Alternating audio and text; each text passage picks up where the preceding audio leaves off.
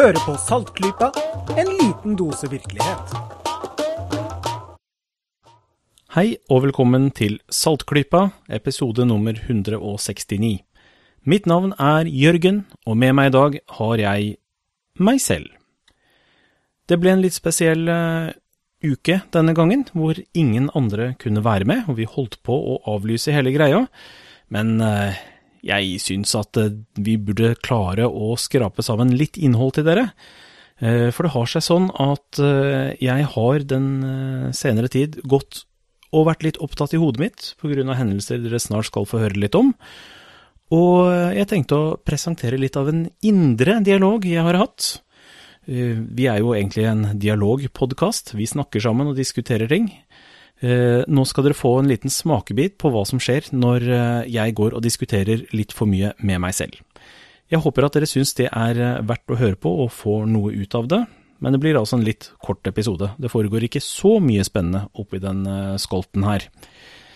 Før jeg setter i gang med tankespinnet mitt, så vil jeg minne om at vi her på Saltklypa veldig gjerne tar imot innspill, forslag, spørsmål, Eh, og gjerne forslag til folk vi kan intervjue. Vi har noen potensielle intervjuer på gang, men eh, vi tar alltid imot eh, tips om det.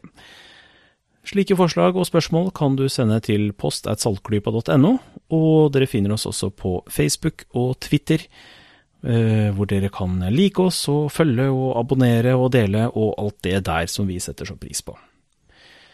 Etter at jeg har presentert mine tanker, så skal jeg også komme med et par anbefalinger før vi runder av denne litt uvanlig korte episoden. Og hvis du tilfeldigvis uh, hører dette som den første Saltklypa-episoden du hører noen gang, så er det altså ikke en normal episode, dette. Så uh, lytt gjerne til flere av episodene.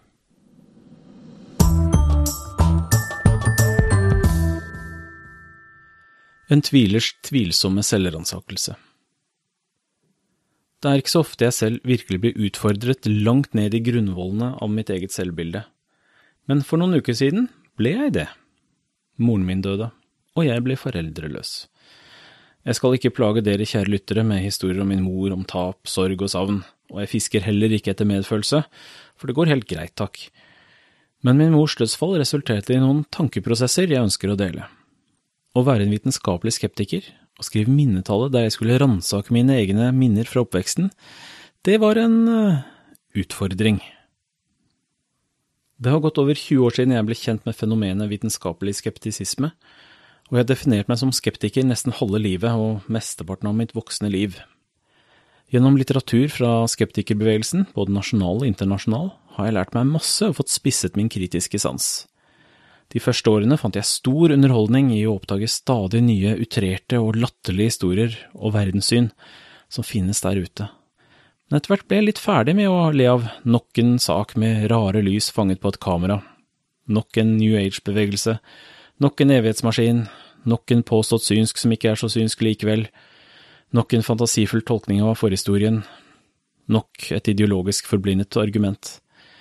Det er lenge siden jeg lærte meg at alle sannheter står for fall. Også mine egne. Ikke gift deg med en sannhet, så er det ikke så vondt å gi slipp på den når fundamentet vakler. Selvrefleksjon har blitt en stadig større del av min streben etter å være en god skeptiker. Det er et poeng jeg og resten av panelet stadig forsøker å trekke fram gjennom de mange ulike temaene vi gjennomgår her på Saltklypa. Selvrefleksjonen har dratt interessen stadig mer i retning av psykologi og nevrovitenskap, Hvorfor lar folk seg så lett lure? Hvilke feilkoblinger gjør hjernen ofte? Hvorfor er det så vanskelig å innrømme for seg selv at en av disse lettlurte folka er deg selv? Kanskje det mest spennende er hvor upålitelig hukommelsen er. Det som fester seg, som et minne i hjernen, er et ukomplett sanseinntrykk, ofte sterkt farget av et verdensbilde skapt gjennom kultur, tro og fokus i øyeblikket. Hver gang du kaller opp et slikt skeivt minne, gjenskapes det som en nytolkning der stadig flere av de opprinnelige detaljene forsvinner, og i denne gjenfortellingen kan minner blandes eller nye elementer trenge seg inn.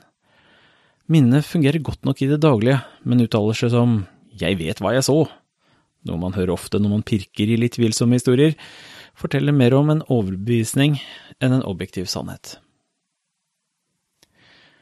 Så havnet jeg altså brått i den situasjonen at jeg skulle vekke opp en masse minner fra fortiden og skrive en tekst som skulle fange noe essensielt om et annet menneske som har vært der hele livet og er en viktig del av meg selv.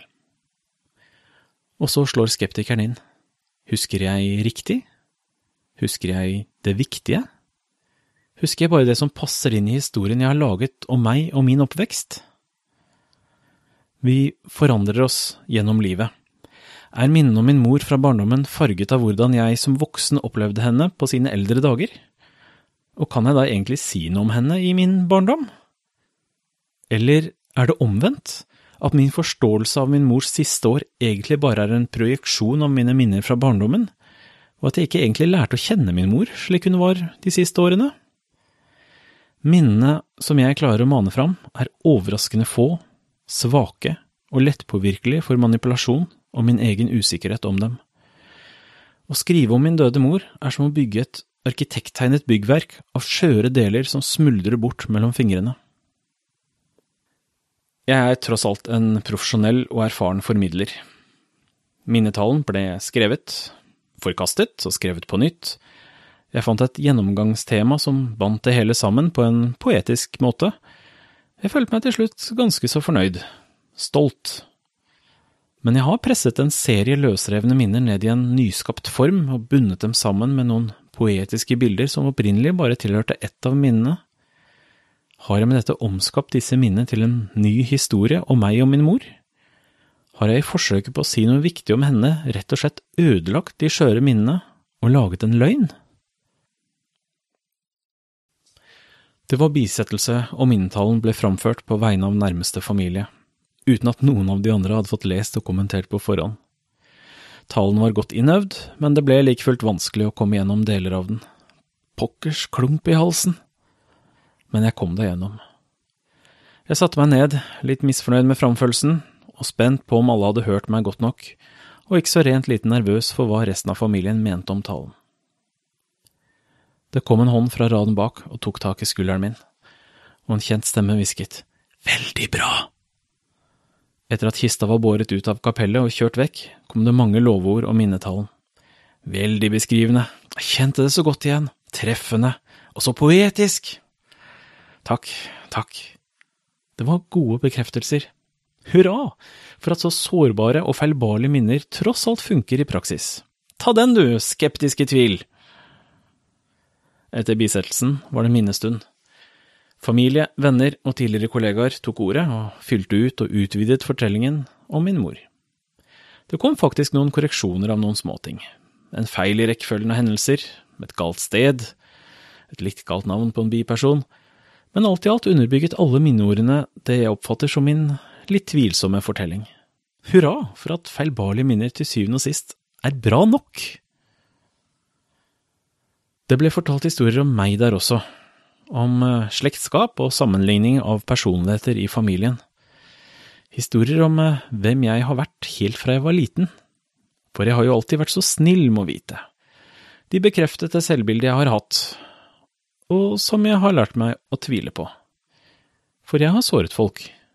Dypt. Ikke med vilje, men likevel. De gangene var jeg en snill og omtenksom person som dreit meg ut? Eller var jeg rett og slett selvsentrert og egoistisk? Hva er det egentlig som former helhetsbildet man har av en person? Eller seg selv?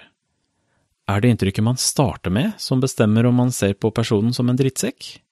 Eller som en snill og omtenksom person som bare kom til kort den ene gangen, og den andre gangen, og den tredje?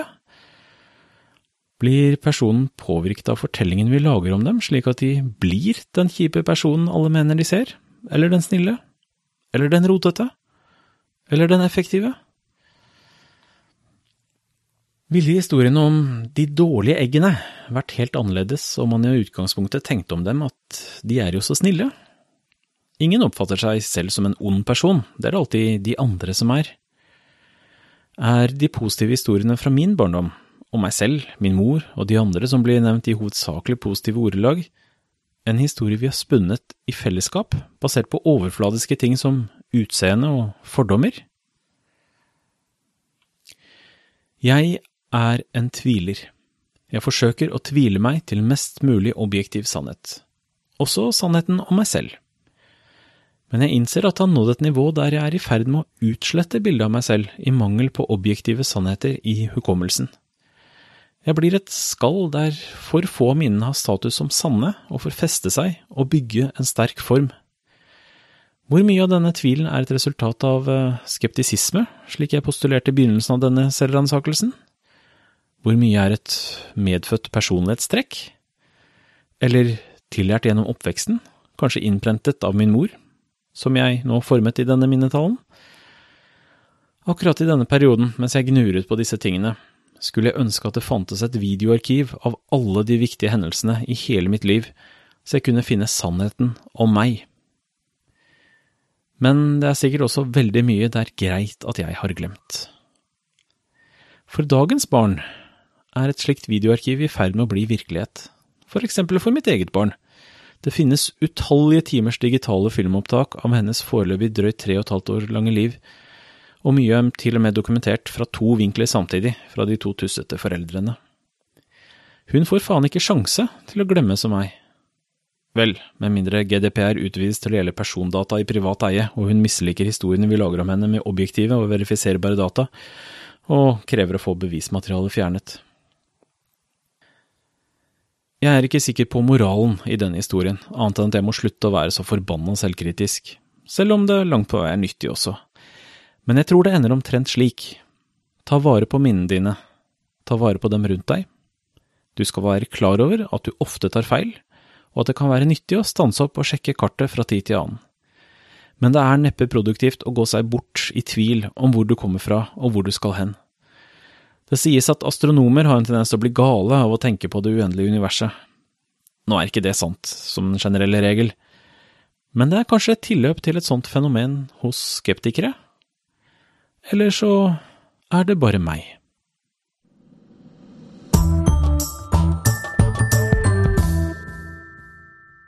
uh, hallo? Er det noen igjen som hører på? Huh, du var i hvert fall her. Det var hyggelig. Da skal jeg avrunde med et par anbefalinger. Jeg starter med en podkast. Jeg er jo som kjent den på klypa som hører på aller flest podkaster og jeg tror ikke jeg anbefalt denne før. Eh, jeg er jo da arkeolog, og noen hadde kanskje trodd at når jeg har en soloepisode, så skulle jeg kjøre på med masse arkeologigreier. Det gjorde jeg ikke, men jeg skal ta noe relatert i eh, avslutningen her. Det er en podkast jeg hører på som heter Brute Norse. Det er en norsk podkast som er engelskspråklig. Den er laget av en som heter Eirik Storesund, som er en filolog. Jobber med språkhistorie. Og eh, den handler altså om eh, vår forhistorie over store tidsspenn, og er riktig spennende. Jeg vil nok anbefale den for dem som har visst grunnivå av kunnskap, ellers så kan det bli litt vel nerdete, kanskje. Eh, men absolutt myntet på den generelle befolkning. Det er relativt populærvitenskapelig og innom mange morsomme temaer, fine intervjuer osv. Det er også en blogg, da, for å si det, eh, hvor det er mer materiale enn det som er på podkasten. Så eh, lenker til det finner dere i notatene til denne episoden. Det neste jeg skal anbefale, er et arrangement og en utstilling på mitt arbeidssted, som er Veien kulturminnepark utenfor Hønefoss. Nå på søndag, det denne episoden kommer kanskje ut for seint at det er noe vits i å reklamere for det, men da har vi et av våre store årlige arrangementer som heter Liv og røre, hvor vi eh, da lager liv og røre rundt vårt eh, rekonstruerte langhus fra romertid, omtrent 2000 år gammelt. Eh, I år så er det romertema, ikke bare romertid, men romere. Så vi har en ny utstilling i eh, museet som skal være ut sommeren og mesteparten av høsten. Den heter Soldat for Roma. Da kjører vi det fullt ut, så vi har romerske legionærer, vi skal ha greko-romersk musikk, eh, det skal lages romersk mat, og i det hele tatt, litt uvanlig for dem som måtte lure, nei, det har aldri vært romere i Norge i romertid, så vidt vi vet. Eh, men kulturen her i nord ble sterkt påvirket av det. Og alt dette kan dere få en, eh, et lite glimt av ved å komme til oss nå førstkommende søndag. Som sagt er det nok for sent å reklamere for det, men utstillingen fortsetter å stå ut uh, sommeren og høsten. Og vi har bygget vårt eget fort inne i utstillingen. Vi har en rustning man kan prøve, vi har et akvedukt som man kan kjøre en badegakk på, osv. Skikkelig artig. Få med dere det. Og etter den egen reklamen så gjenstår det vel bare å si eh, takk for denne gangen. Eh, håper å høre fra dere igjen. Det vil si, jeg håper dere hører fra oss igjen om ikke så lenge. Ha det bra. Saltklypa lages av Kristin Lisha, Jørgen og Bendik. Har du spørsmål, anbefalinger, ris eller ros, send det til post at saltklypa.no, eller finn oss på Facebook. Lenker til alt vi har snakket om i episoden finner du på saltklypa.no, hvor du også kan abonnere på podkasten for å få hver episode levert på døra helt gratis. Takk til Smart 9000 fra Evig poesi som har laget kjenningsmelodien.